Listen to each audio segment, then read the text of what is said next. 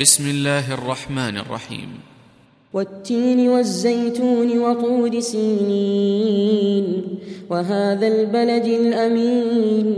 لقد خلقنا الإنسان في أحسن تقويم ثم رددناه أسفل سافلين.